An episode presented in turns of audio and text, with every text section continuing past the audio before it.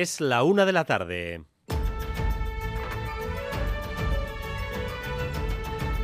Crónica de Euskadi con Dani Álvarez.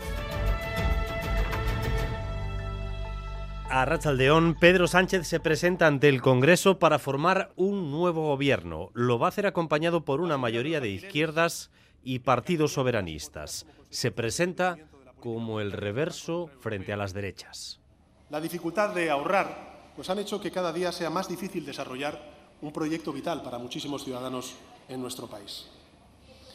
En la pasada legislatura tomamos algunas medidas incipientes a este Señal en directo desde el Congreso, en la que es posiblemente la recta final de un discurso en el que ha prometido más progreso, más derechos y más avances sociales.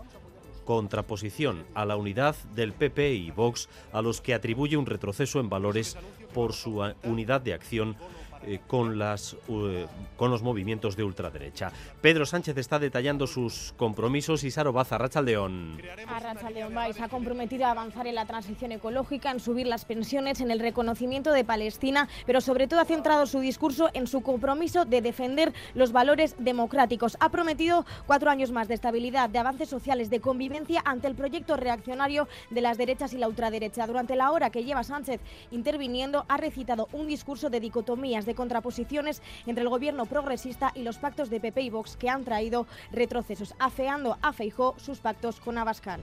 Es un día importante en el Congreso, debate de investidura para poner fin al momento de interinidad que vive España desde las elecciones de julio. Tras 12 días de manifestaciones ante la sede de Ferraz y ciertas actitudes amenazantes alentadas por Vox, el deseo de quienes están hoy en el hemiciclo es que todo se desarrolle dentro de la sensatez. Enviado especial Imanol Manterola. Sí, ese es el deseo, pero lo cierto es que hoy parte de las miradas en el hemiciclo se dirigen a la ultraderecha a la espera de una de sus performances habituales, aunque de momento la sesión más o menos está desarrollando con cierta normalidad, a excepción de un momento en el que la presidenta del Congreso ha tenido que parar la intervención de Sánchez ante las interrupciones que estaba sufriendo. El Congreso está completamente protegido, cinco calles cortadas en su perímetro, 1.600 agentes de policía nadie duda de que si pueden liarla, la van a liar, aunque de momento tranquilidad y poca asistencia en Nerea Sarriegui.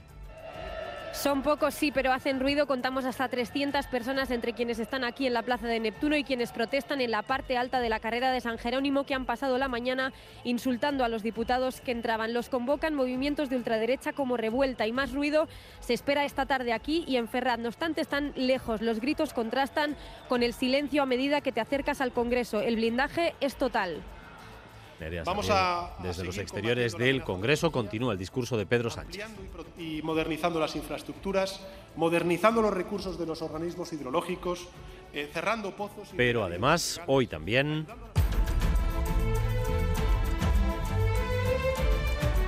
Siemens pierde más de 4.000 millones de euros y las pérdidas en Alemania se atribuyen en exclusiva a su rama eólica, a Siemens Gamesa. Los peores augurios, por tanto, se confirman, pero la buena noticia es que la compañía confía en la remontada gracias a las ayudas de los gobiernos.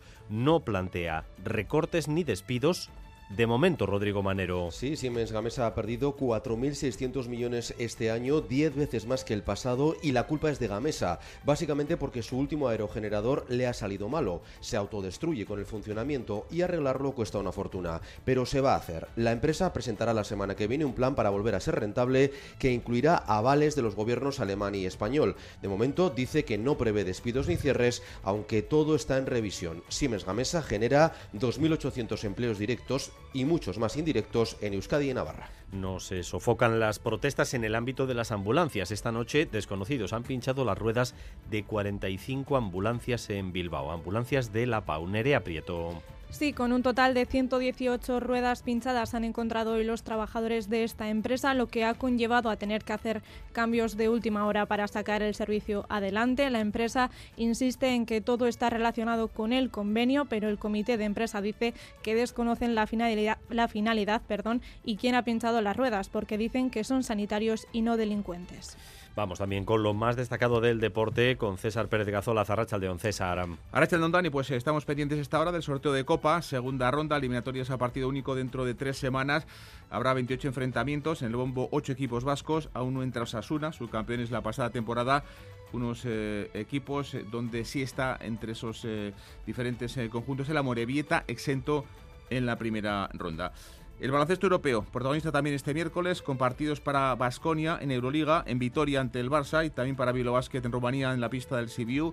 A las ocho y media en el Buesa, Dusko Ivanovic quiere otra vez ganar en Euroliga. Ha hecho victoria en los dos partidos que ha dirigido en esta cuarta etapa en Vitoria, mientras que los hombres de negro juegan a las seis, si se impone esta tarde en la quinta jornada de la FIBA Eurocup lograrían los de Ponsarnau el pase a la siguiente ronda al top 16 de la competición europea. En cuanto al tiempo, nos espera una tarde sin precipitaciones y bastante soleada. Las temperaturas tenderán a bajar según pasen las horas, con máximas que no alcanzarán los 20 grados, 19 aproximadamente en la costa, 17 en el interior. Ahora mismo hay 18 grados en Bilbao, 17 en Donostia, 19 en Bayona, 16 precisamente en Vitoria-Gasteiz y en Iruña. Gracias un día más por elegir Radio Euskadi y Radio Vitoria para informarse.